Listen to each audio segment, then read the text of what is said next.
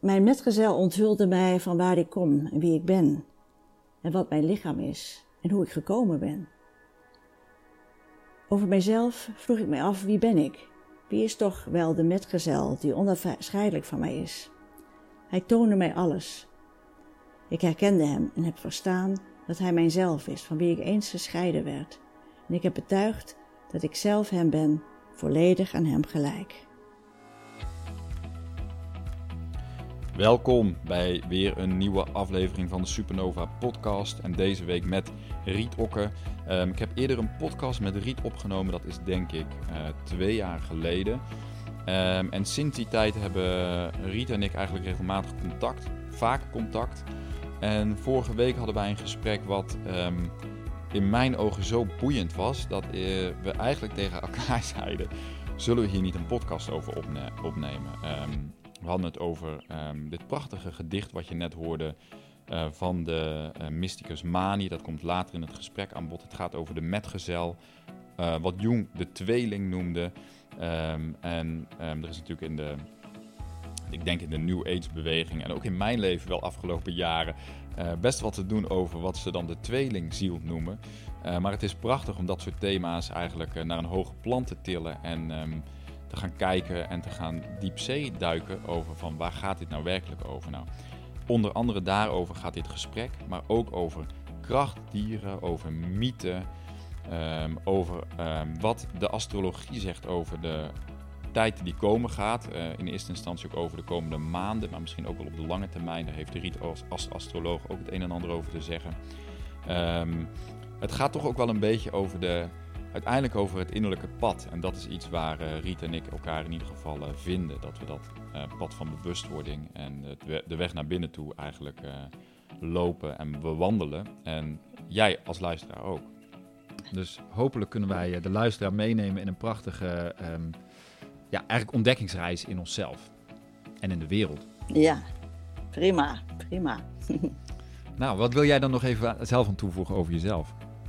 Ik ben een, uh, ja, nou de laatste, laatste visioen wat ik gehad heb is over een wilde kat, als we het over dieren hebben.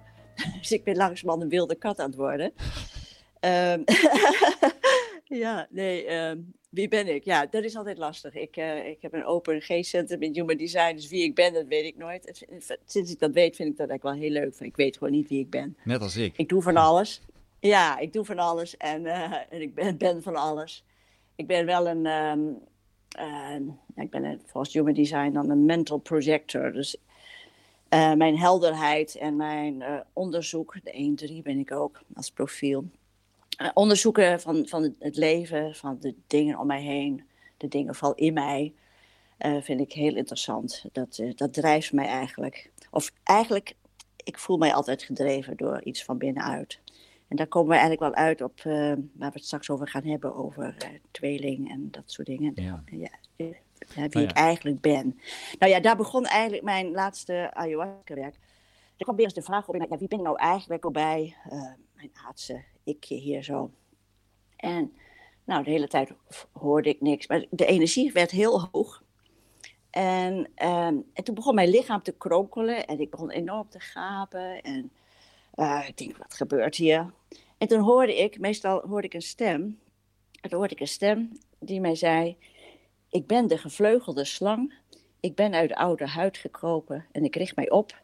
Ik krijg vleugels. En ik ben de kostbare tweeling. Ik ben de verbinding tussen hemel en aarde. Ik ben beide. En dat is de kern van mijn leven op aarde. En dit is het pad van mijn ziel. En uh, ja, dat was een openbaring. En tegelijk iets wat ik diep al wist eigenlijk van... Uh, ik ben beide. Ik ben kind van hemel en aarde. Weet je, heel vaak wordt er tegenwoordig in de New Age van... ja, je bent niet dit en dat, maar je bent het licht... of je bent God, of je bent dat. En dat stuitte er altijd tegen mij, uh, mijn gevoel mm -hmm. in. En uh, ik heb een aards leven... En, maar ik ben ook van de hemel. Ik ben ook van een andere dimensie. En ehm, die verbinding, daar, uh, daar gaat het eigenlijk uh, om, vind ik. Ja, dat is prachtig. Dat is eigenlijk ook bij mij. Ja. Dus daar, voelt, dat, voelt, daar resoneert bij mij enorm. Want ik denk, ja, ook ja, inderdaad in ja. de New Age wereld, ja, alle mensen die zoekend zijn, gaan wel... Nou ja, je komt van alles tegen in het spirituele veld, wat ook prachtig is. Maar uiteindelijk komt het bij mij ook telkens neer van ja, het gaat toch uiteindelijk om hier op aarde leven. In het lichaam. Precies. Wel met een verhoogd bewust, bewustzijn, zeg maar. Wel met een soort van goddelijke, um, vanuit een goddelijke dimensie. En dat maakt het natuurlijk zo mooi om hier te leven op aarde. Maar uiteindelijk gaat het om hier zijn, niet om, nou ja, hier weg te komen. Want we zijn hier niet voor niks op deze aarde, geïncarneerd. Precies, precies. En langzaam ga ik ook nog steeds meer zien van is het ehm, wat wij dan het hogere zelf noemen, of hè, is dat nou het goddelijke? Dat hebben we dan maar goddelijk genoemd. Maar is het niet veel meer een hoger octaaf van, van wie wij in, in ons aardse lichaam zijn, zeg maar? Dat, dat het ik vele octaven heeft. Mm En wat, wat zie je en dat betekent dus. Nou, eh, verschillende niveaus. Mhm. Dus dat betekent niet dat het hoger zelf, dat dat nou meer hoger is. Het is een, het is, ja, uh, je zou kunnen zeggen, je toekomstige zelf. Daar, daar wanneer wij ons ja, uh, gerealiseerd hebben, zeg maar. Mm -hmm. En dan kun je contact en, mee maken. Ja, zeker, zeker. Daar, daar, kun je contact mee. En da, daar, ja, dat is, uh, dat is waar het voor mij altijd om ging, zeg maar, in mijn leven en nog. Ik heb altijd het gevoel gehad dat iets mij drijft, dat iets mij leidt. Dat er iets in mij is dat alles weet, die mij voortstuwt, die mij de goede richting uit, uh, uitduwt, zeg maar. Die mij bijstuurt waar ik... Ik heb ooit sociologie ben ik gaan studeren, vond ik leuk. En op een gegeven moment werd ik bijgestuurd. Zo van, hé, hey, je, gaat psychotherapeut, je wordt een psychotherapeut, hoorde ik van binnen. Ik denk, ho, oh. Nou, toen ben ik psychologie gaan studeren, snap je? Mhm. Ehm, ik werd bijgestuurd, dus dit is iets wat ik geen keuze in had en wat ook oké voelde. En ook toen naar Frankrijk gaan en weer van Frankrijk naar Nederland gaan. Er is altijd iets van binnen die mij zei van, nu is het tijd voor deze stap. Wil je dat? Uh, oké, wij, wij, wij geven je, ja, dat is ook een wij. Ja. Maar hoe kon jij, er zijn een vraag die nu in mij opkomt, want er zijn natuurlijk heel veel mensen, we willen allemaal graag geleid worden. Door, door een stem, hè? Ik bedoel, graag. Ja. Um, maar niet iedereen hoort die stem. Nee, nee. Nou kijk, weet je, dat hangt een beetje ook op af hoe je bedraad bent. Kijk, ik heb een, ja, dat heet niet doen, maar die zijn een bepaald kanaal 2343. En dat is van, de, van je mind naar je keel. En dat, Ra noemt dat, dan heb je het derde oor. Mm En dus dan ben je gevoelig voor stemmen. En dat heeft niet iedereen. Ik dacht ook altijd, in, als ik ayahuasca werkzaam met anderen deed, dat andere mensen ook stemmen hoorden. Maar dat is gewoon niet zo, niet altijd zo. Maar sommige mensen die voelen, sommige mensen die weten op een gegeven moment dingen, hè, ervaren dingen en uh, weet ik veel. Dat, dat zijn andere ingangen. Ja. Dus ik heb de mazzel dat ik, um, dat ik het in, woorden hoor. Maar er zijn heel veel mensen die het in beelden zien. Dat is natuurlijk ook fantastisch. Ik, ben altijd, ik was altijd jaloers op mensen die zoveel beelden zagen. Er zijn mensen die gewoon bijvoorbeeld visualisatieoefeningen vroeger, dat kon ik helemaal niet. Ik zag niks moest je een sinaasappel voorstellen. Nou, ik zag het helemaal niet. Laat staan dat ik allerlei, allerlei mooie dingen van binnen zag. Dus ik dacht van, oh, ik klopt niet, weet je wel. En um, of, ja, ik mankeer iets, of het mankeert iets aan mij, of ik ben nog niet zo ver, weet je wel, dat soort dingen. Ja, precies. Nou, dat denken mensen dan vaak. Hè? Ik, ben, ik ben nog zo van, ja, ik hoor niks, ik zie niks, hoe moet ik me geleid voelen? Ja. Um, ja. ja je, op een gegeven moment is het toch een, ik noem dat dan maar een reis die je met jezelf maakt in het ontdekken van hoe jij als individu geleid wordt. En dat is inderdaad bij iedereen anders. Ja, nou ja, en ook, weet je, het heeft heel erg te maken met uh, ons gevoel van eigenwaarde. Wij mhm. hebben natuurlijk eeuwenlang geleerd om onze kracht, uh, onze wijsheid, uh, ons weten te projecteren op goden, op Jezus, Boeddha's, hè, buiten ons nog geprojecteerd. En ik heb steeds, mijn pad is steeds geweest, en dat gaat mijn laatste boek, Jezus ontsluier, uiteindelijk over, um, om uh, alle projecties terug te nemen. Om, om niet hè, de Jezus als metgezel, zeg maar, om dat, die, die, die projectie terug te nemen. Van ik ben mijn eigen met, metgezel. Er is iets in mij, er is iemand in mij die mijn metgezel is. Ja. Jong, jong die had van jongs af aan eigenlijk, als jong jongetje eigenlijk al, al het besef van persoonlijkheid 1 en persoonlijkheid 2. Mhm. En persoonlijkheid 1 was hè, zijn aardse ikje en persoonlijkheid 2 was, was iets in hem die hem voortstuurde, die, die wist en die, die hem op, innerlijk pad bracht, zeg maar. Ja. Your eternal self of zo. Ja, ja, ja, precies. Dat, dat, wat, wat, dat stuk in, in ons wat eeuwig is en wat eigenlijk vanaf bij onze geboorte, zeg maar, ehm, is er een deel van ons in een andere dimensie gebleven. In de vijfde, zesde dimensie ongeveer. En die, die is altijd aanwezig op aarde. Die zien wij niet. Er zijn, er zijn sluiers tussen. Er schijnt wel dertien dimensies te zijn. En um, daardoor kunnen mensen op een gegeven moment ook zeggen van... hé, hey, mijn vader voel ik bij me, of mijn moeder, of mijn hmm. oma. Weet je? Die zijn ook in om ons heen. Alleen, er zitten sluiers tussen. En dat is maar goed ook, want anders zouden we helemaal gek worden. Weet je? We hebben genoeg aan uh, deze derde dimensie om, om het uh, hier een beetje te rooien. Dat is ook de uitdaging om hier te blijven, eigenlijk. Want... Ja, dat we het hier moeten doen. En wij, iemand zei wel, ik geloof dat dat Joseph Campbell was, zo van dat wij, dus dat ik, dat, naar, dat zich geïncarneerd is, zeg maar, incarnatus, in het vlees is gegaan. Ja. Carne, carne is het vlees, hè? Dat, die het vlees gaat, dat dat de helden zijn eigenlijk. Ja, ja dat vind ik dus heel mooi, want dat resoneert zo. Natuurlijk zit er natuurlijk heel veel in het, uiteindelijk het oude christendom, waar dan natuurlijk, we projecteren dat inderdaad op Jezus. Hij is dan de geïncarneerde zoon. Ja. Het gaat natuurlijk allemaal over ons. Wij zijn allemaal hier, we hebben allemaal een lichaam aangenomen. Ja, en precies. En wij zijn onze eigen messias. Hmm. Weet je? Alleen doordat wij zo uh, getraumatiseerd zijn of zo nou ja, geïndoctrineerd zijn dat wij maar arme zondags zijn. En hè, dus, dat hebben die drie grote godsdiensten, islam, moslim, uh, jodendom en christendom, op hun geweten, zeg maar. Of op hun geweten, ja, wat heet. Dat is een ontwikkeling. Um, dat, dat er een God buiten ons is die alle macht heeft. En wij zijn machteloze, onwetende, uh, zondige mensen. En dat zit heel diep in de mensheid, van dat wij niks waard zijn. En dus kan je je nooit voorstellen dat jij uh, iemand bent die, die alles weet. Ja.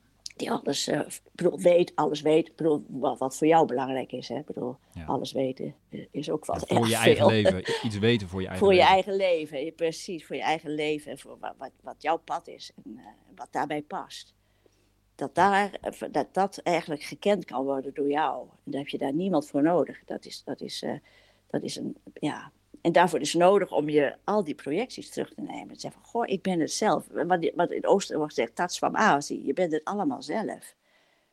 En dat is een heel pad. Maar weet je, kijk, uh, in de, de, aboriginals, die hebben dat nog wel. Ja, die hebben verbinding met, met moeder aarde, vader hemel hè, en de grote spirit en met de dieren, de krachtdieren.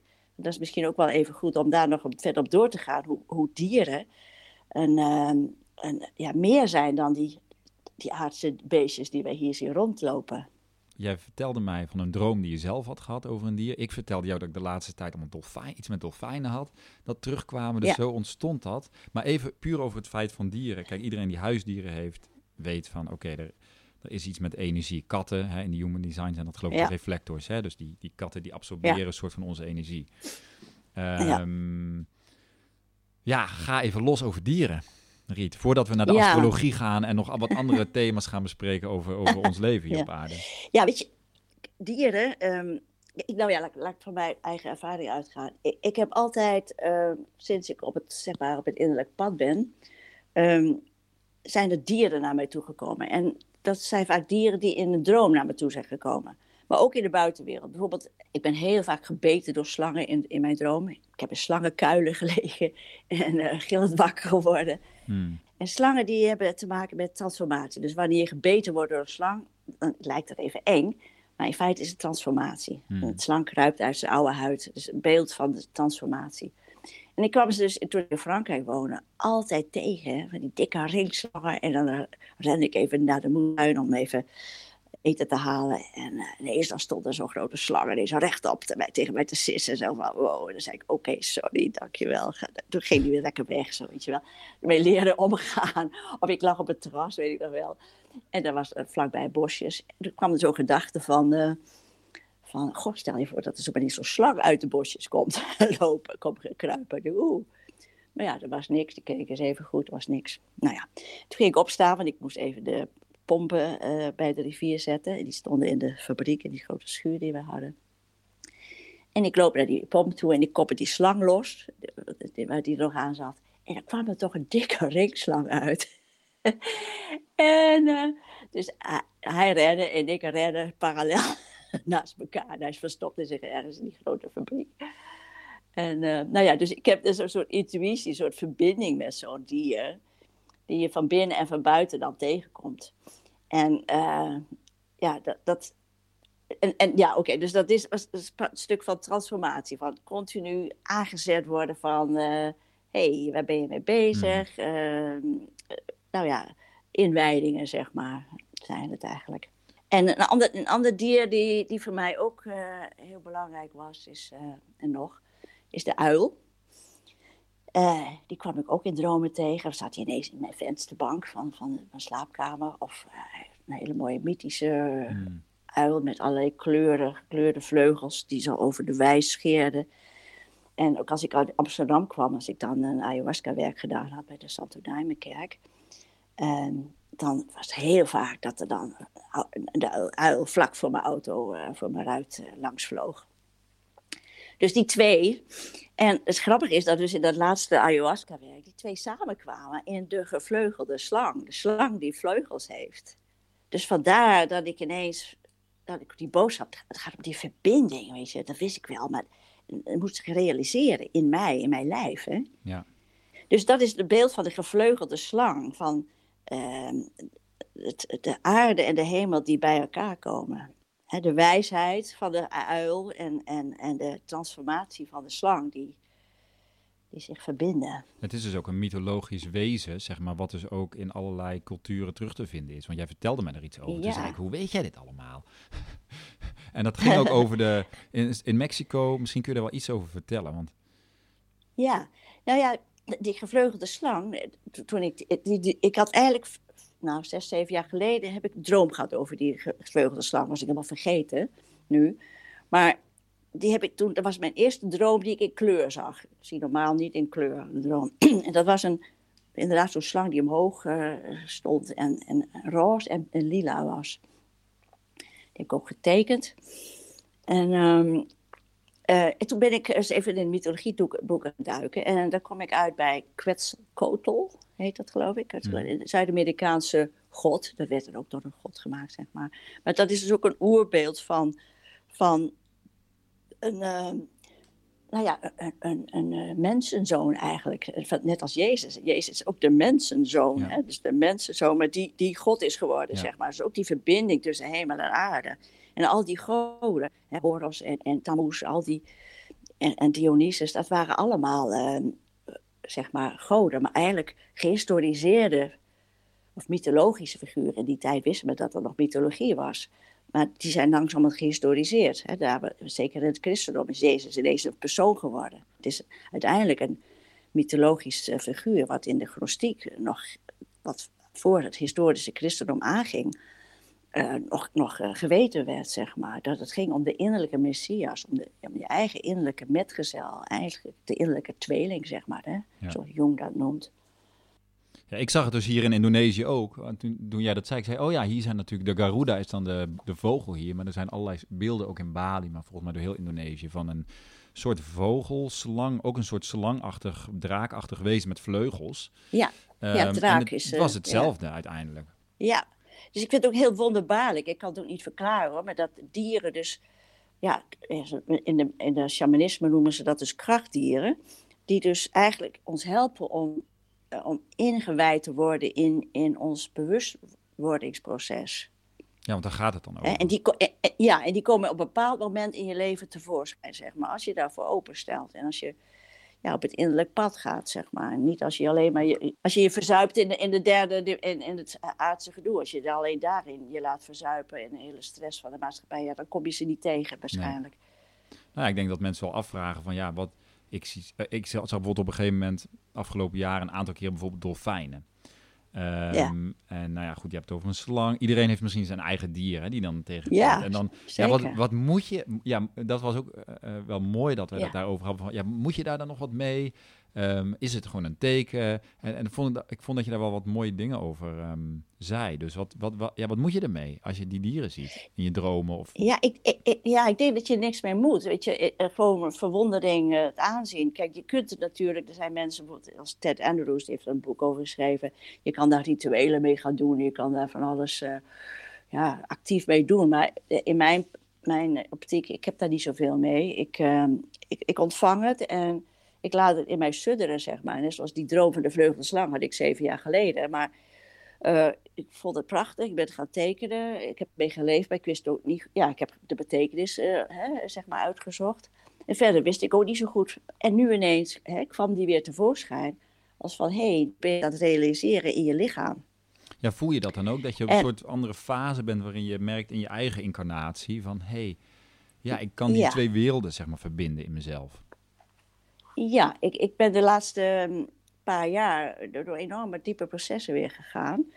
Ik heb uh, die, die Pluto-Saturnus uh, uh, Jupiter-conjunctie, die nu in de wereld zoveel eh, ellende veroorzaakt, zeg maar. Die heb ik over mijn zon en maan en Mercurius gehad. En nog eigenlijk. Maar, dus dat heeft heel veel met me gedaan. En ik heb, ben, ja, ik heb heel hard aan mezelf gewerkt de laatste jaar, paar jaar. En ik voel dat ik nu aan het oogsten ben. Ja. ja wat mooi. Ja. Ik wil zo meteen nog even natuurlijk over dat astrologische gedeelte in de wereld. Dat gaan we even doorschuiven en bewaren voor straks. Maar naar aanleiding van die slang zei jij tegen mij... Nou, Jung had het, hè, het gaat eigenlijk over de tweeling. Jung had het ook over de tweeling. Um, ja. En um, nou, dat is een heel super interessant onderzoek. Uh, maar ook over de tweelingziel. Wat natuurlijk in de spirituele wereld een enorm groot soort van ja, onderwerp is. Ja. Je tweelingziel ja. ontmoeten. Hè? Uh, En daar wordt trouwens ook Jung wel bij aangehaald en noem maar op. Ja, ik denk, ik denk heel vaak dat, of ik denk dat hier weer hetzelfde projectiemechanisme speelt.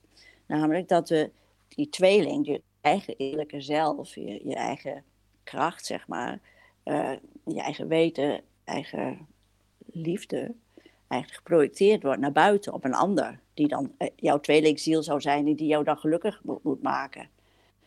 En dat is eigenlijk een variant op uh, het oude verhaal dat, uh, dat we complementair zijn. En dat als man en vrouw dat de ene de ander gelukkig moet maken en elkaar aanvullen. Ja. In plaats van dat we ieder eigenstandige personen zijn. En dus ik, ik denk dat er vaak een groot gevaar in is als je daarin verzuipt. In, in van, oh, ik ga mijn tweelingzoek vinden. En dan ook je verliezen in de ander eigenlijk. In plaats van je eigen krachten vinden, je eigen liefde, je eigen liefdevolle relatie met jezelf. En daar gaat het uiteindelijk om. Dat, uiteindelijk gaat het om uh, dat die, die zelfliefde, die, die, dat, je, dat jij eigenstandig persoon bent en, en helemaal op jezelf en, en in je eigen autoriteit en in je eigen liefde, zeg maar, voor jezelf. En van daaruit kan je alles lief hebben, zeg maar. Maar het is blijkbaar zo'n moeilijk of ingewikkeld proces dat we dat dus, we hè, als mensen, voortdurend op ja. Jan en allemaal projecteren. Ja, maar dat is natuurlijk ook wat we geleerd hebben. We hebben geleerd van, jij bent niks, of je bent, je bent nou, als kind al, hè, je bent kleintje, jij komt, nog, jij komt nog net kijken, je hebt geen ervaring. En dan komt daar die godsdienst overheen, scholen overheen, die zeggen van, ja, je moet wel even luisteren naar de juffrouw, want hè, ik weet hoe het in elkaar zit. Hè? Tegenwoordig is dat gelukkig iets beter, er wordt iets meer naar kinderen geluisterd. Maar ik bedoel, dat zit diep in onze genen, in onze pseudogenen, dat wij niets waard zijn en tot niets, weet je, zoals die Calvinistische zin ook weer, tot niets in goede, tot, tot uh, geen goed in staat of zo. Hè? Maar wat zegt Jung nou precies over die tweeling?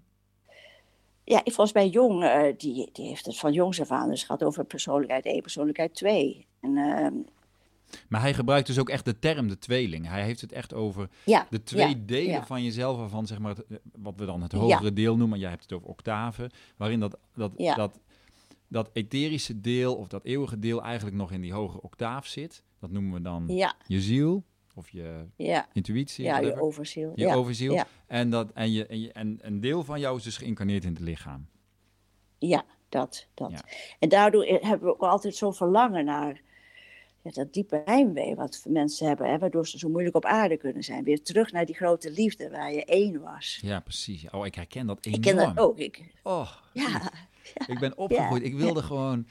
Oh, en, en het is pas de laatste jaren dat ik echt voor mijn gevoel, en dat is, nog, dat is een proces van steeds meer aan thuiskomen ben in dit lichaam en op deze aarde. Van, hier mag ik echt wonen. Dit is nu echt mijn thuis. Precies.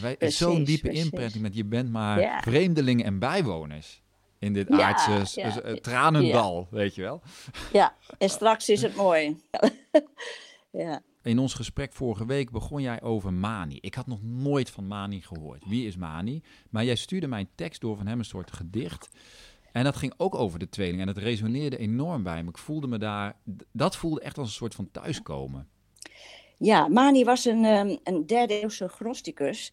En die gnostische beweging, dat was een, een beweging uh, die heel erg overeenkomt met waar wij nu mee bezig zijn. Zeg maar. Je innerlijke zelf vinden, je eigen innerlijke messias. En um, hij was een hele grote leraar in een wereldwijde beweging. Dus ze hebben uh, nog tempels van hem gevonden of, uh, in Midden-Oosten, Algerije, Egypte en tot in China. Hè. Er werden geschriften van hem gevonden, mm. met name. Niet overal. En um, dat is, dat is een, een beweging, die gnostiek is door het historische christendom helemaal verketterd en, weggemoffeld, zeg maar. Waardoor wij er helemaal geen kennis meer van hadden tot nu toe. Totdat in de, in de ik weet niet precies wanneer, de tachtige jaren, de Nag Hammadi-codex gevonden werd in Egypte. Waarin al die, die, die uh, gnostische teksten teruggevonden werden.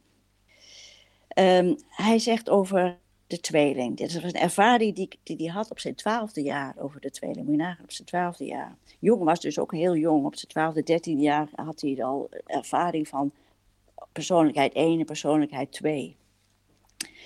Mani zegt, mijn metgezel onthult mij van waar ik kom en wie ik ben en wat mijn lichaam is. En hoe ik gekomen ben en hoe mijn komst in de wereld zich voltrok. Mijn vader in de hoog vertelde mij wie ik ben en wie toch wel de metgezel is die onafscheidelijk van mij is. Hij toonde mij alles. Hij die onwankelbaar is. Vroom heb ik hem ontvangen, als mijn kostbaarste bezit verworven, en ik heb geloofd dat hij mij toebehoort en van mij is, en dat hij een goede en voortreffelijke raadgever is. Ik herkende, herkende hem en heb verstaan dat hij mijzelf is, van wie ik eens gescheiden werd. En ik heb betuigd dat ik zelf hem ben, volledig aan hem gelijk. Hij, de metgezel, kwam tot mij en bracht mij de beste hoop. En dat vind ik ook zo mooi, dat laatste zinnetje. Hij bracht mij de beste hoop. Mhm. Dat is het hoopvolle in deze wereld, waarin het toch best, best vast heel is, ook nu zeker in deze tijd. Maar dat er iets van binnen in ons is, of, waar, of iets van binnen, waar dan ook, ja. Die, dat ons weet je. En dat, dat, eh, dat ja. En eh, ik heb zelf eens een keer een gedichtje geschreven daarover. Jij die bent voorbij al mijn namen, voorbij aan man of vrouw. Jij bent het beeld waarnaar ik ben geschapen. Jij bent die weet, die mij draagt in eindeloze liefde. Jij die ik ben. Hmm. Ja, prachtig. Snap je? Weet je wat ik nou zo interessant vind? Ik bedoel, jij bent ergens ook een enorme ketter. Als jij zegt, ja, die Paulus die heeft nooit bestaan. Mijn, mijn de, de, David waar ik in opgegroeid ben, die heeft dan zoiets van, wat zeg je nou?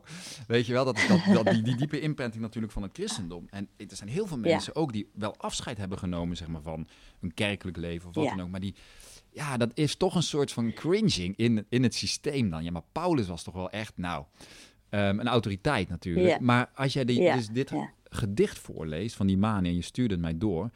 Dat gevoel, zeg maar. Het geeft een bepaald, misschien is het een religieus gevoel. Ik ben natuurlijk ook gewoon een devoot ergens, het is ook zo. Die, ja, ik ook hoor. Het gevoel, dat is, dat, dat is toch, dat, hij zegt ook in dat, hè, je leest het voor van mijn vader, hij zegt het hier, wat schrijft hij? Um, um, Toen het mijn vader behaagde en hij zich over mij ontfermde. Toen dacht ik, oh, hij heeft dus toch, er is toch iets met de vader.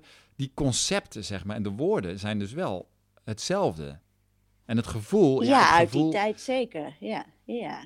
En dus het resoneert bij mij aan alle kanten. Misschien omdat ik dus zo'n achtergrond heb... waarin ik dus de het taalgebruik goed ken... en de context van ja, toch dat innerlijke leven. Paulus heeft het ook heel erg over. Je moet de oude mens afleggen en zo, weet je wel. En opnieuw geboren zeker, worden. Zeker. En, nou ja, er zit gewoon heel veel overeenkomst in. Ook in het, in ja. het verinnerlijke. Ik noem dat maar van op een gegeven moment ging ja, inderdaad alles wat in de Bijbel stond en die geschriften innerlijk lezen. En, en toen werd het nog levendiger eigenlijk. Ja, precies. Weet je, ik ben niet christelijk opgevoed, maar ik heb gesmuld van die Bijbel van jongs af aan omdat daar zulke mooie dingen in staan, weet je. Ik, ik was altijd.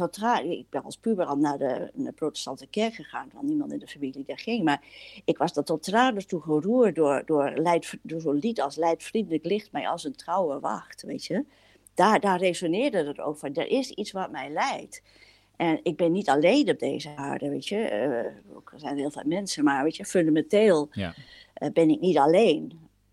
Ja, precies. Ik word, ben bewoond ben bewoond. En, weet je, en ik heb vroeger natuurlijk ook dat geprojecteerd op een God en een Jezus. Ik ben, ik ben op dat pad gegaan van, ik, ik heb me laten dopen en ik ben in ik ben heel veel in de kloosters geweest. Ik was zo'n mystiek roosje die, die in, in, in het Benedictinesse klooster uh, s'nachts de aanbidding deed en dat soort dingen. Mhm. Dus dat, dat, dat, uh, maar dat is ja, onderdeel van de zoektocht. En dat je dan langzamerhand, naarmate je meer eigenwaarde krijgt, dat je de projectie durft terug te nemen. En zeggen van, goh, ik ben het, het is allemaal in mijzelf. Het is, van, weet je, al die projecties op, die op de ander of op, op leiders. Heel veel mensen doen natuurlijk op leiders projecteren, weet je ook. Hè? menselijke leiders. daarmee ont, ont, zeg maar, ontkrachten wij onszelf. En nemen we kracht weg van onszelf. zolang we Jezus als metgezel zien, zien we niet dat wij onszelf metgezel voor onszelf kunnen zijn. Ja, precies. Ja, het, het, ja, het resoneert. Ik, misschien dat we daarom ook een bepaalde klik hebben, omdat het toch de, Jazeker. de taal en ook het gevoel en de, toch de, de, het mystieke pad gaan. Want ik bedoel, ja, ik, mijn, mijn weg ook naar Indonesië en alles, dat is allemaal de buitenkant en dat is ook een belangrijk onderdeel. Maar uiteindelijk voor mij gaat het over welke weg en welke reis maak ik met mezelf. En Zeker. niet vanuit een soort ego ehm, of een soort egoïsme van het gaat allemaal om mij, want het is helemaal niet zo. Maar, maar wel de, de weg naar binnen gaan om bewustwording. Weet je, en ik, en ik ontken niet dat er, dat er zielen in de mensen zijn, zeg maar, zielen die, die heel erg bij je passen. Hè? Ik, ik heb er zelf nooit tweelingenziel genoemd, maar bij Jeannette bijvoorbeeld, hè, mijn, mijn partner, ja. wij hebben heel veel levens zijn wij getrouwd geweest als man en vrouw. We zijn vader en moeder voor elkaar geweest en heel veel verschillende levens. En we, sommige van die levens hebben we ook ervaren en herinnerd. En uh, weet je, de, eh, dus dat, dat, dat zijn zielverbindenissen die heel belangrijk zijn om te ervaren. Misschien heb jij dat met Trientje ook. Maar uh, ik, ik, ja, ik zal nooit zeggen, zij is mijn tweelingziel. Weet je, ehm, dat komt, ja, dat, ben ik zelf, weet je. Dat is, dat is, ja. Nou, dat vind ik wel heel mooi, want er komt natuurlijk ook ergens heel veel, ja, en ik zal niet zeggen ellende van, maar ik bedoel, ik ben zelf ook, en toen oh. en ik best een behoorlijke crisis hebben gehad, nou, ik heb me daar wel afgevraagd van, ja, is het dan toch, en, en, en als je dan eenmaal op het internet gaat verdiepen in tweelingzielen, nou, dat is een enorm, nu zie ik van, oh ja, dat is een enorme rabbit hole die je eigenlijk bij jezelf weghaalt. Terwijl je juist de weg naar, naar jezelf toe moet gaan en eigenlijk je op een bepaalde manier moet loskoppelen van al die mensen om je heen. Of dat nou in, vooral in liefdesrelaties over, hé, hey, dit gaat eigenlijk over mezelf. Maar goed, soms heb je nou, dat dan nodig. Soms heb je dat dan toch nodig in die verhoudingen om dan uiteindelijk de weg naar, naar binnen te vinden. Tuurlijk. Het is een proces van loslaten en van projecties terugnemen. Maar weet je, het gevaar van dat de ander is dan je tweelingziel, dat je ook zoveel verwachtingen van die ander gaat hebben. En als je verwachtingen hebt, dan word je altijd teleurgesteld. Dus tweelingzielen, zogenaamde tweelingzielen, die hebben niet alleen de, de, de hemel, maar ook de hel samen. Ja. Omdat ze zoveel van elkaar verwachten. Precies. Dat vind ik zo'n mooi liedje van, uh, hoe heet je, Harry Jekkers, hè, weet je wel? Ja, ik geef jou een, de hemel, je krijgt de hel terug, dankjewel zeg, weet je wel? Dat liedje ja, van Harry Jekkers is geweldig. geweldig ja, geweldig. Ik hou van jou. Precies die, ja. Ja, ik, het was wel interessant. Ik zat dus op, wij zaten op een gegeven moment weer, in, eh, wij gaan dan één keer in de week uh, in, in de auto naar Ubud voor de kinderen met name. En toen Linde wilde op een gegeven moment, oh nee, ze Whitney Houston opzetten. Nou, ik zei, het meest bekende nummer van Whitney Houston is I Will Always Love You. Ik zei, nou, laten we dat nummer opzetten. Dus wij in de auto kijken het nummer. En ik, omdat ik nu op een, een veel, ja, eigenlijk een andere manier leef, kan ik zo'n nummer nu luisteren en zeg ik van, ja er is maar één iemand die altijd van mij zal houden. En dat zal ik zelf moeten zijn. om dat terug te luisteren naar mezelf. Van ja, dit is toch, dit kan ik eigenlijk van niemand vragen. En het is ook niet heel realistisch dat ik maar altijd van die ander zal kunnen houden. Het is vooral een verbond dat ik eigenlijk in eerste instantie met mezelf moet sluiten. Ja, maar dat zie je dus ook in al die liedjes. Hè. Het gaat altijd over de liefde, over een ander vinden, weet je wel. Het is allemaal weg van jezelf. En natuurlijk, het is een pad om een, liefde, of een liefdesrelatie te vinden. Dat is heel belangrijk. En dat je dan tijdelijk iemand als een soort god of godin gaat zien. Ja, dat is all in the game, weet je. Ja. Maar uiteindelijk word je dan toch wel eh, diep teleurgesteld als iemand uh, niet de gaten die je ouders hebben achtergelaten opvult. en dat hij niet die godin of god is die jij uh, dacht in, je, in je armen te hebben. Ja, en dan zie je dat mensen gaan scheiden en dan weer nieuw vind, iemand vinden en daar teleurgesteld worden. Nou, dat is een leuk spel. Ja. Pijnlijk soms. Dus, maar goed, we moeten toch allemaal. Ik heb dat zelf ook wel ervaren. Van oké, ik moet toch die weg gaan. Waarin zeker wij zijn vanuit een heel een bepaalde achtergrond dan um, Trientje en ik samengekomen. Dat is ook helemaal oké. Alleen er was toch iets in ons wat allebei echt moest opnieuw moest kijken. En daar hebben we het ook over gehad in een eerdere podcast. Van ja, is dit nog, zijn wij nog voor elkaar en gaan we deze weg nog samen bewandelen? En dan moet je toch tot op de bodem, zeg maar. Ja, alles, ja, niet, niks meer schuwen eigenlijk. En dat is ook wel een heel pijnlijk, maar uiteindelijk ook wel weer heel waardevol gebleken. Tuurlijk, het is, het is het leerproces, het is het bewustwordingsproces waar we allemaal doorheen gaan. We beginnen niet bij Z, hè, we beginnen bij ABC. En weet je, en dat is natuurlijk ook in de nieuwe age vaak, weet je, men wil gelijk bij Z zijn en slaat ABC het proces over. En daarom in mijn lichtpuntwerk altijd doen wij heel veel van vader- en moederwerk, weet je. Waar, zit je, je oerpijn, waar zit de pijn van het kind in jou?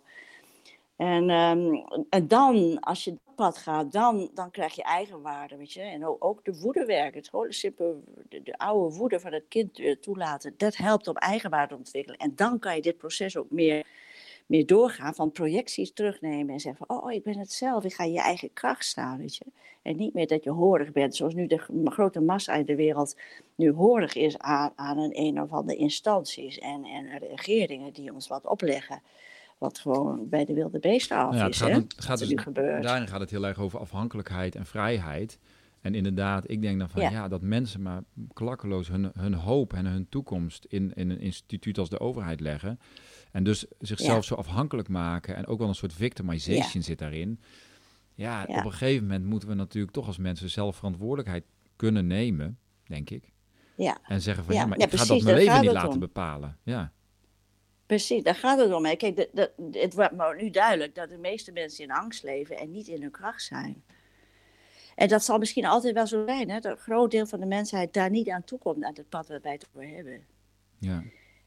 Dat, dat, uh, dat is, het is een gigantisch pad. Als je weet hoeveel ik huilt in mijn leven, dat wil je niet weten. Mm Hoeveel processen ik. Uh, ook, ook om, om zeg maar alle, alle, uh, noem je zeggen, alle trauma's of alle dingen die misgegaan zijn in je leven, die in je lijf ingelijfd zijn, om die te helen. Ja. Uh, ik ben nu echt met mijn voeten bezig. Ik bedoel, ik, er is iets met mijn voeten, met die enkels en zo. Nou, er zitten hele verhalen achter. Ja. En, uh, en dan soms word ik soms wakker. Eh, die voeten, ik had dat wat dove, de laatste tien jaar eigenlijk, wat dovige, stijve voeten. En nu ben ik uh, een osteopaat en het afval wordt allemaal wakker. En nu krijg ik soms hele zenuwpijn. Dus die zenuwbanen zijn ze nu aan het herstellen. Nou, en dan word ik soms s'nachts wakker. En dan doet dat zo pijn en dan uh, huil ik.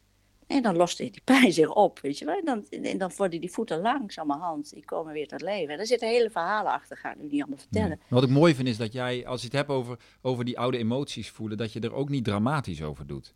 Snap je? Wat zeg je? Nou ja, jij dat je daar niet dramatisch over doet. Van, oh, ik moest huilen. En dramatisch, nee. Het is meer van, nou, huilen en nou, en dan weer klaar. Huppakee. Ja. Ja, precies. Dan, ja, precies. En dan lachen we vrolijk. Daarom heb ja, ben ik nooit depressief.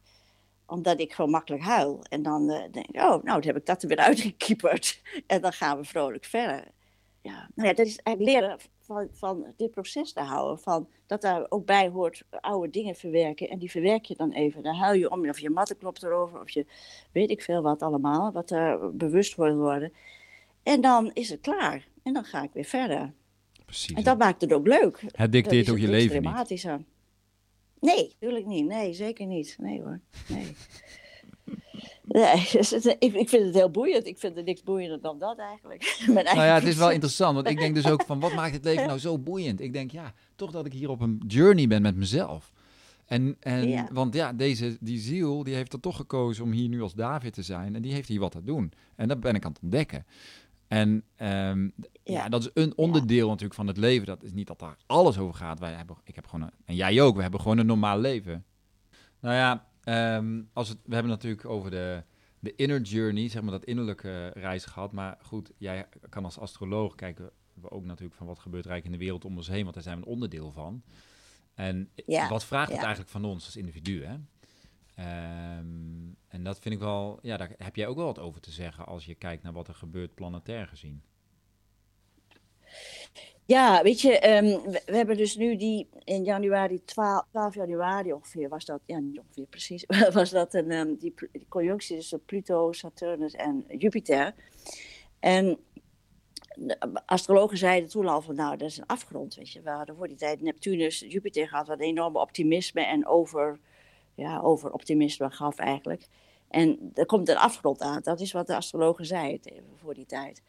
Maar goed, we wisten niet hoe het uit zou zien. De economie draaide redelijk goed en zo. En, uh, maar goed, die afgrond is dus gekomen. En uh, uh, met name de Saturnus-Pluto-conjunctie is in de geschiedenis altijd een, een, een dramatisch verhaal geweest. Okay. Ik bedoel, in de, met name toen die ook in. Ik heb even gekeken wanneer die conjuncties bijvoorbeeld ook in Steenbok was. En Steenbok, Saturnus heerst over Steenbok. Dus dat is een hele sterke. En Steenbok heeft met structuur te maken en Steenbok ook, met de bestaande orde ook. En bijvoorbeeld de eerste keer dat hij in Steenbok stond was in 1284, was het begin van de Inquisitie. Hmm. En uh, in 1518 was het verhaal van Luther, dus de macht van de kerk, die afbrokkelde. De, uh, Saturnus heeft met de structuur te maken, Pluto heeft te maken met macht. Dus die twee samen. Uh, die uh, geven vaak collectief uh, een, een, vrij dramatische uitslag. Ja. En bijvoorbeeld het begin van de Eerste Wereldoorlog was een Saturnus-Pluto-conjunctie en en de Tweede Wereldoorlog was er eentje. Oh zo, dat is wel en 9-11 was er eentje. Jemig. En dus die, die, die, die, waar die twee nou met elkaar verbonden waren, of in conjunctie of in vierkant of in oppositie. En uh, dus dat zijn dramatische momenten in de mensengeschiedenis. En nu zitten we in 2020 en dus in, in, in, um, in Steenbok. Hmm. En, um, maar het is wel zo, dat is het hoopvolle, in, in december 2020, dus dat is al eigenlijk over een maandje, um, gaan zowel Saturnus als Jupiter gaan in Waterman lopen. Dus dan zijn we weg van, van die Steenbok. En ik denk dat dan de grootste ellende voorbij is. En um, dan, dan, kom, ja, dan komt er ook. Dus Waterman, dat heeft te maken met meer technologie. Dat is natuurlijk wel het gevaarlijke weer, dat die technologische ontwikkeling steeds extremer gaat worden. En, maar ook, um, denk ik, nieuwe gemeenschappen. Dat er een nieuw leven gaat ontstaan, nieuwe manieren van leven. Maar dat is een proces van. Uh, kijk, Saturnus doet er zeven jaar over in, in een teken. Dus de komende jaren zal er steeds meer mensen, denk ik, nieuwe vorm van gemeenschap gaan vinden. Hmm, interessant. Um, en ja, en in november is nog even dat Jupiter uh, samen gaat staan met Pluto. En ja, dat zou kunnen betekenen veel doden bijvoorbeeld ook weer, toch? Pluto is dood ook, dus transformatie, maar het collectief is ook vaak dood. En, en Jupiter is, is overdrijft vaak, dus dat kan ook een overdrijving zijn van het aantal doden. Dat kan het ook nog zijn. Hmm. Maar daar zitten we natuurlijk ook in. Hè? In hoeverre wordt het overdreven? Er zijn niet zoveel doden. Want in, in coronadoden niet. Van in verhouding. Kijk, in Nederland bijvoorbeeld gaan elke dag, uh, geloof 300, 400 mensen dood. Normaal altijd. En nu zijn er al, zeg maar, nou ineens 80 doden. Uh, voor, vorige maand waren er met vier coronadoden. Weet je? Dus in perspectief ja, staat, stelt het allemaal niks voor. Maar goed, wat ik interessant vond, Jij, jij, jij, zegt van, sorry dat ik je onderbreek, maar je zei van... Nee, doe maar. Um, de structuren brokkelen af en dat hoor je heel veel. Iedereen zegt, ja, de, alles brokkelt af, maar wat brokkelt er nu precies af? Want op dit moment lijkt het alsof vooral heel veel vrijheden afbrokkelen. Uh, wat wil ik zeggen? Um, ja, wat brokkelt er nu eigenlijk af? Die structuren, ja, die structuren. Ja, ik weet je, een, een conjunctie betekent dat er een periode voorbij is. Dus Saturnus, Pluto, betekent dat we een bepaalde periode van bepaalde stuk machtsstructuren, hè, Pluto is macht, Saturnus structuur, machtsstructuren, bepaalde machtsstructuren voorbij zijn. En uh, dat we een nieuwe tijd uh, tegemoet gaan waarin, ja, waarin daar verandering zal plaatsvinden, hoe dan ook. En ehm, het is grappig, ehm, mijn, mijn astrologiejuf, Joyce Hoen, die heeft een, een horoscoop gemaakt van het moment dat getekend werd, die spoedwet in de Eerste Kamer. En dan ontstaat, dan zie, zie je dat die die drie planeten, Saturnus, Pluto en Jupiter, in het twaalfde huis uh, verschijnen in Nederland. En zij zegt dan, volgens mij wordt, wordt die hele spoedwet een wassen neus. Daar komt niks van terecht. Hmm. Het zou kunnen. Het twaalfde huis is ook waar alles in verdwijnt, zeg maar. Dus, uh, dus uh, ik ben daar niet echt negatief pessimistisch over. Alhoewel op de lange termijn, weet je, als ik naar Human Design kijk... En Ra die zegt van 2027, dan gaan we in een andere crossover. De cross van, van nu zitten we de cross van planning, waar dus alles goed geregeld is. Allemaal deals en alle instituties die goed werken. Weet je, als jij uh, hè, ziek wordt, dan staat binnen 10 minuten, tenminste in Nederland, in, in Bali weet ik niet, staat er een ambulance voor je deur. Dus alles is goed op elkaar afgestemd. Maar dat gaat steeds meer verdwijnen, zegt Dat brokkelt af. En dat zien we ook. Hè, de scholen werken niet goed meer. De, hè, de onderwijzers zijn er te weinig. Uh, ziekenhuizen heeft tekort aan personeel. Men heeft 40.000 bedden, maar men heeft maar 19.000 operationeel. wat een waanzin, hè? In, een, in een rijk land als Nederland. Maar goed, je ziet toch. Kijk, dus je kan zeggen van ja, er gebeurt heel veel in de wereld, misbeleid, wanbeleid en zo. Maar dat is allemaal kijk, die krachten, van, uiteindelijk worden, worden bepaald door die planetaire krachten. Die zijn enorm sterk. Alleen het gaat erom, wat doen wij ermee? Hangt er vanaf van ons bewustzijn. En collectief zijn we niet zoveel als individueel. Collectief uh, vindt zich de, gaat, zich, gaat zich dat vooral negatiever uitdrukken dan wanneer je het individueel meemaakt, zeg maar. Omdat je dan kunt transformeren. Kan je je eigen structuur transformeren. Ja. Maar in collectief is dat lastiger. Dus um, dus ik denk, kijk, weer in Turkije weer een aardbeving gehad. Ik denk als we een mix krijgen, en dat is met, die, met dit hele gedoe, als we een mix krijgen van dit soort pandemieën en dit soort wanbeleid en een natuurlijke ramp en natuurlijk de hele klimaatverandering, met uh, enorme branden hebben we gehad, enorme permafrost die, uh, die aan het smelten is in hmm. Siberië, met die enorme branden. Dus uh, dat betekent wel dat we ons hele systeem moeten gaan, gaan, uh, gaan herzien, zeg maar. Of herzien, opnieuw beginnen, denk ik. Op een andere manier gaan leven. En dan komen we weer uit bij dat shamanistische leven, zeg maar. Of van de aboriginals, weer terug naar... Of ja, niet terug, maar weer opnieuw leren verbinden met de aarde. Hmm, ja. En uh, met de hemel en met de dieren en met alles om ons heen en met elkaar, maar op een nieuwe manier. En, uh, maar het gevaar is natuurlijk, we hebben die Saturnus nu in, in Waterman. En dat, ja, we gaan ook een technologische tijd tegemoet, weet je, in, in binnen dit systeem nog. En, en dat baart mij wel zorgen, zeg maar. Ja, precies, met al die surveillance, surveillance, surveillance heet dat. Dus al dat, ja, alle, alle, al die camera's overal. Ja, ja, controle eigenlijk. Beheersing. Dus... Ja, alle controle, ja. ja machtscontrole, ja. Maar ik denk uiteindelijk dat, uh, dat het volk het niet zal pikken op de duur. Maar goed, dat moeten we maar zien. Dus dat kan ook zijn, hè. Kijk, is dat in december hebben we een, een vierkant van Mars op die, uh, op die drie uh, planeten. En, en, die, en Mars die staat in ram, dus dat is een eigen teken. Dus er, kan op, er zal opstand komen in december, zeker. Dat geloof ik zeker. Het is nu al gaande. Hè. In Italië zijn ze overal de straat op aan het gaan. Hè. En sometimes it gets worse before it gets better, zeggen ze. Ja, precies. Daar zitten wij in. We zitten in de overgangstijd en we moeten niet wanhopen, maar we moeten gewoon maar kijken hoe we hier ons doorheen rollen en onze eigen autoriteit vinden. En kijken van waar, en wie, waar wil ik zijn en hoe wil ik zijn in deze wereld.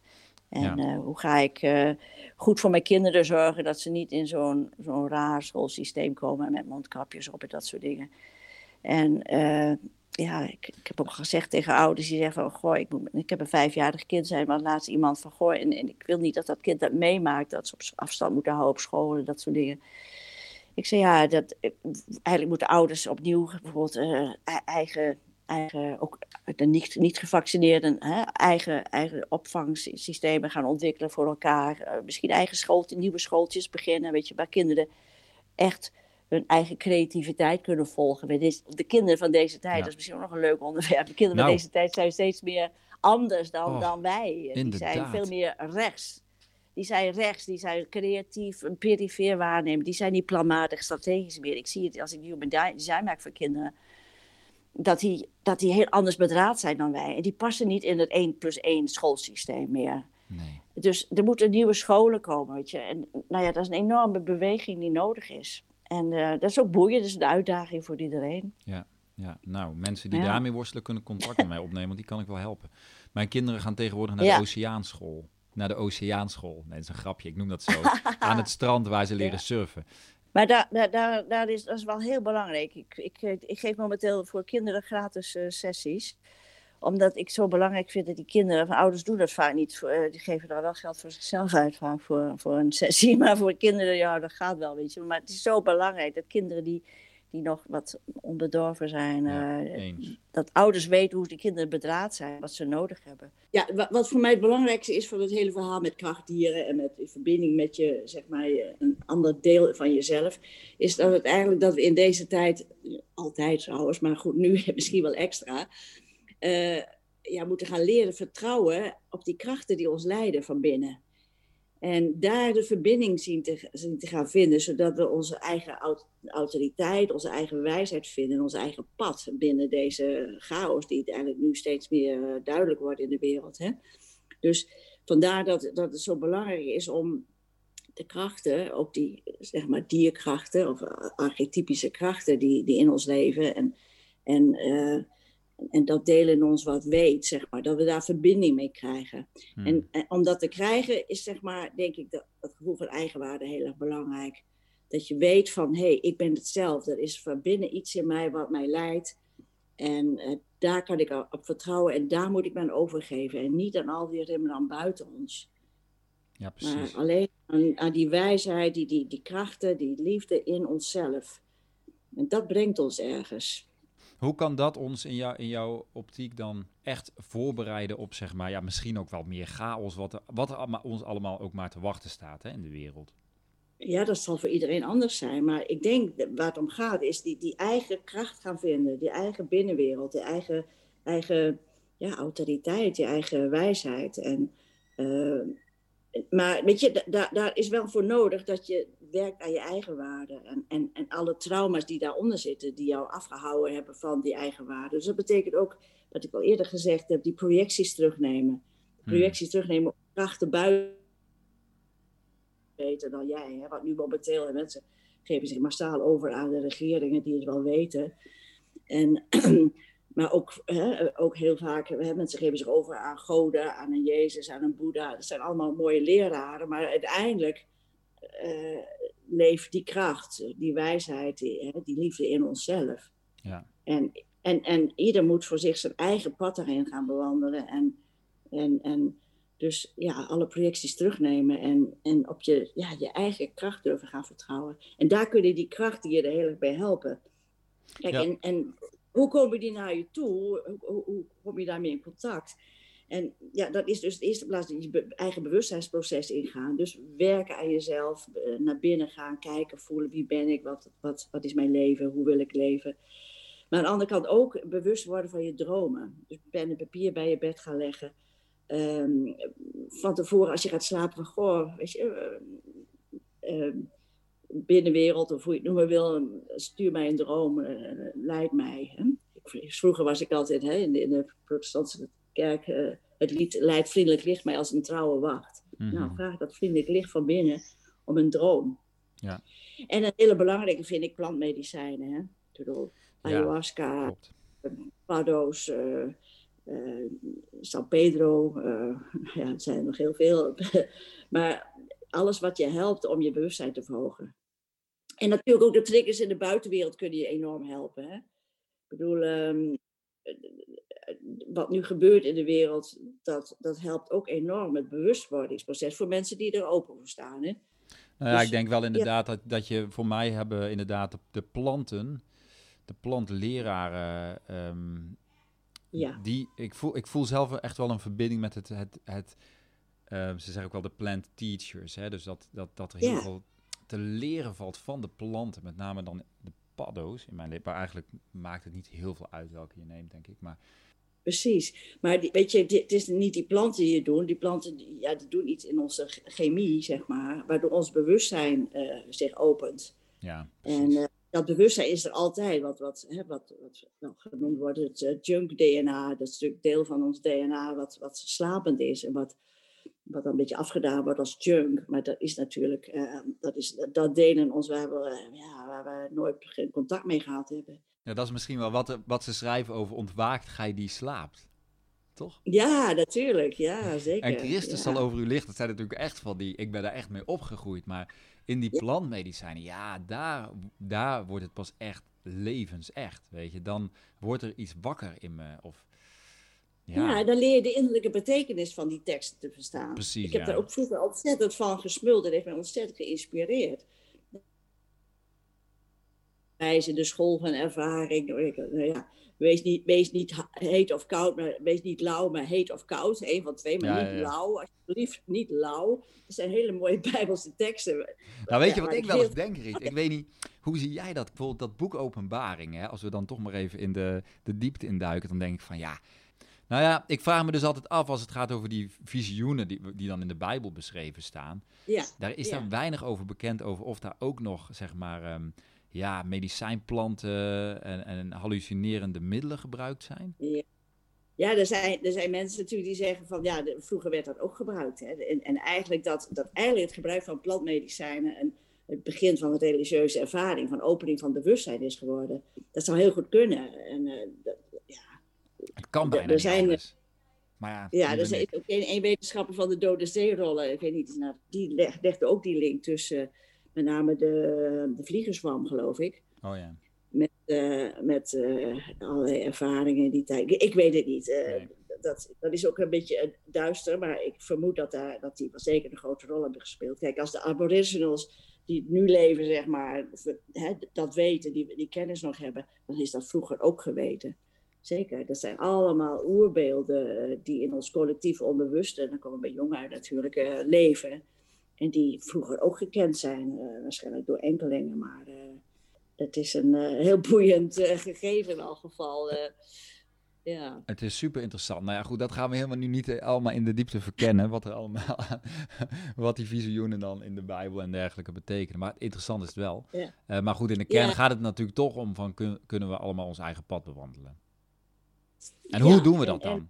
Uh, ik, ik heb ook van begin, niet van begin af contact met die kracht die er gaat. Dat komt ook naarmate mijn bewustzijn zich ontwikkelde. En naarmate ik uh, veel ayahuasca gedronken heb ook. Maar ook uh, ja, veel heb geleerd om naar mijn dromen te luisteren. Hmm. En dat is een proces. En, en, en het begint vaak met gewoon je oude shit opruimen. Dus dingen verwerken die, die onverwerkt zijn. Want dat zijn de beperkingen in je systeem die je weerhouden om verbinding te krijgen met jezelf. kijk, als je, als je heel geïndoctrineerd bent met een braaf, om, om tot een braaf, uh, braaf uh, meisje op te groeien, um, dan ontmoet je nooit de wilde kat in je, zeg maar. Nee. Nou ja, goed, dat is natuurlijk wel een belangrijk onderdeel als we het hebben ook over de plantmedicijnen. Van, ja, er zit natuurlijk ook opruimwerk en er zit ook een heel spannend element in van, nou, ga maar aan jezelf werken. En met bewustwording, met bewustzijnsverhoging, ja, er komt er ook altijd een soort kweeste Um, ja, het is niet alleen maar van nou, la la la, weet je? Nee, het meeste van mijn ayahuasca werken was opruimen van oude shit, van dit leven, van vorige levens.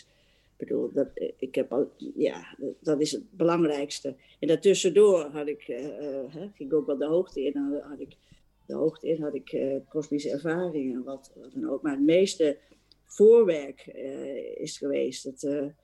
Ja, het opruimen van, van, dat wat mij verhindert om mijzelf te zijn. En dat zijn toch vaak oude dingen uit, uh, van vaders en moeders en, en uh, hele opvoedingscircus waar we onderhevig aan zijn geweest. Ik ga even een vraag stellen waarvan ik denk van oké, waarom is het zo belangrijk om die oude shit op te ruimen, ook van, van vorige levens en van trauma's, om zeg maar echt, want ik bedoel, er zijn niet, de, groep men, of het lijkt erop alsof er natuurlijk steeds meer interesse is voor innerlijk werk, uh, maar de gros van de mensheid legt toch nog steeds de nadruk op, ja, gewoon succes hebben. Uh, is natuurlijk heel veel gericht op deze wereld van survival. Er is oorlog geweest, er zijn rampen geweest en mensen raakten daar steeds meer van, van zichzelf weg. En zeker in de laatste eeuwen uh, zo geleerd hebben om flink te zijn en door te gaan en ons best te doen. En hè, die buitenwereld iemand voor te stellen, al dat soort dingen. En uh, dat maakt dat er geen ruimte dan is. Dat zie je nu ook. Hè. Het is zo'n gestreste maatschappij. Iedereen moet zo hard werken. Uh, om, om, om een, uh, zo'n hypotheek, om het hele circus vol te houden, zeg maar, waar we in zitten. Um, dat, je, dat mensen niet aan toekomen om, om een ruimte te geven aan, aan, aan dit soort werk waar we het nu over hebben. Want kijk, om een ruimte te nemen voor je dromen, ja. daar, daar, ja, daar, daar, heb je tijd voor nodig. Dan moet je s ochtends niet gelijk uit je bed springen, maar even blijven liggen en denken van, oh, wat heb ik gedroomd? Zou ik wat gedroomd hebben? En dan kan het terugkomen. Hmm. Maar ja, als je vol zit met, uh, oh, uh, acht uur op mijn werk zijn, de kinderen moeten naar school, alles in het vaste patroon, is daar vaak weinig ruimte voor. Ja. En dus hollen we maar door. Dat is natuurlijk het, wat ik wel genoemd heb in een van mijn posts op Facebook, uh, systeemrot. We zitten langzamerhand in een dolgedraaid systeem, waar er weinig ruimte is voor, voor ja, voor echt stilstaan bij jezelf en bij wat echt belangrijk is in het leven. In mijn leven um, merkte ik ook wel dat doordat ik dus zo druk was, of relatief druk, en niet dat ik nooit tijd had, maar gewoon door de soort van dat hamster, wat maar in dat hamstermolentje blijft lopen, dat ik eigenlijk niet aan mezelf toe kwam. En ik denk dat heel veel mensen dat wel ervaren, van we worden eigenlijk op de een of andere manier, ik denk vooral in westerse landen, gewoon zo geleefd. Ja, um, dat, en dat, ik voelde dat heel erg. Van ja, als ik mijn leven niet, als ik niet iets verander, dan kom ik eigenlijk nooit op die diepere laag in mezelf. Ja, precies. Ik ken dat ook hoor. Ik, ik, kijk, weet je, dit pad, uh, dit innerlijke pad, dat vraagt gewoon ruimte. Hmm. En als je gewoon in een fulltime job zit van, uh, weet je, van uh, 9 tot 5 of 6 en dan een gezin hebt, dat heel veel mensen hebben. Uh, en dan ja, de hele drukte en de stress in deze maatschappij, dan kom je daar vaak niet aan toe. Weet je, als je met, met je dromen wil werken, dan is het fijn als je s ochtends wakker wordt. Als je even kunt blijven liggen en daarna kijken, voelen. En vaak is daar geen tijd voor, want we moeten naar school of jij moet naar werk. En um, dat is best lastig. Een belangrijk uh, aspect eigenlijk van om dichterbij die, die verbinding te komen van binnen, is dat je stoflagen bij jezelf uh, weghaalt. De stoflagen van, van oud zeer, van oude angsten, oude woede, oud verdriet. Die zitten vaak als een, als een uh, ja, stoflaag op deze verbinding. Ja, precies. En uh, da nou ja, daarvoor heb ik lichtpuntwerk ook zeg maar, in het leven geroepen. Ja, precies. Om juist daaraan te werken, dat ABC te, van het alfabet, van het innerlijke alfabet te lopen. Want veel veel mensen willen wel die verbinding en maar beginnen dan uh, aan het eind van het alfabet en slaan het eerste over. Maar ja, misschien gaan we ook wel naar een tijd toe waarin er veel meer. Um, waarin we toch in een, in 2020 is eigenlijk een heel mooi voorbeeld van. Hè? Van alles wat we ja. ook maar hiervan kunnen ja. vinden met elkaar. En ik bedoel, ik ben ook wel een vrijheidsstrijder. Um, maar het heeft ook, ja, als je het voor je voordeel gebruikt, dan heeft het natuurlijk ook een enorme uitwerking op. Je kan het een enorme uitwerking hebben op je innerlijke leven. We zitten allemaal binnen, thuis, we hebben tijd. Ja. Ja, zeker. Nee, het, het, het, heeft ook een hele goede kant. Ik bedoel, ik, uh, ik ageer er vreselijk tegen, omdat ik natuurlijk zie dat hoeveel in de maatschappij kapot gaat. En, en ja. ondernemingen en kinderen, wat ermee gebeurt. Ik bedoel, dat is afschuwelijk. Ja, het is natuurlijk nooit een excuus eigenlijk. Ik bedoel, het is mooi. Dat is een beetje zoiets van, ja, elk nadeel heeft zijn voordeel. Dus het is dan een voordeel, we hm. mogen mooi naar binnen. Uh, maar dat is iets ja. wat nou ja, we worden gedwongen. Hè? Ja, worden gedwongen. Dit is natuurlijk iets wat met bewustzijn, wat we voortdurend zelf, zelf voor kunnen kiezen om hoe we het leven zien natuurlijk. Ja, zeker. zeker. Ja, mooi, um, Riet. Ik, zullen we het hierbij uh, afronden? Wat vind jij? Ja, prima joh. Maar. Ik denk het wel, hè? Um, nou, ik vond het wel heel mooi trouwens wat je zei over de kinderen. En dat jij ook aanbood om um, dat je gratis readings doet voor kinderen. En ik weet hoe belangrijk het is voor, voor mensen, of voor, ik zie dat ook in mijn kinderen, hoe belangrijk het is om um, ja, hun als echt individu te leren kennen. Weet je, dat is zo. Ja.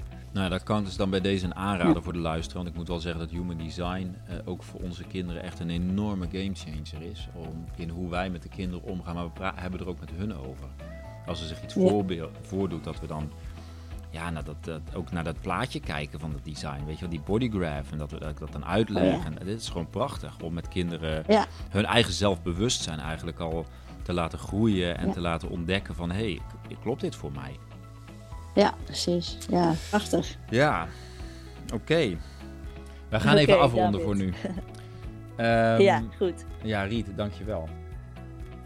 Ja, graag gedaan, jongen. Fijn.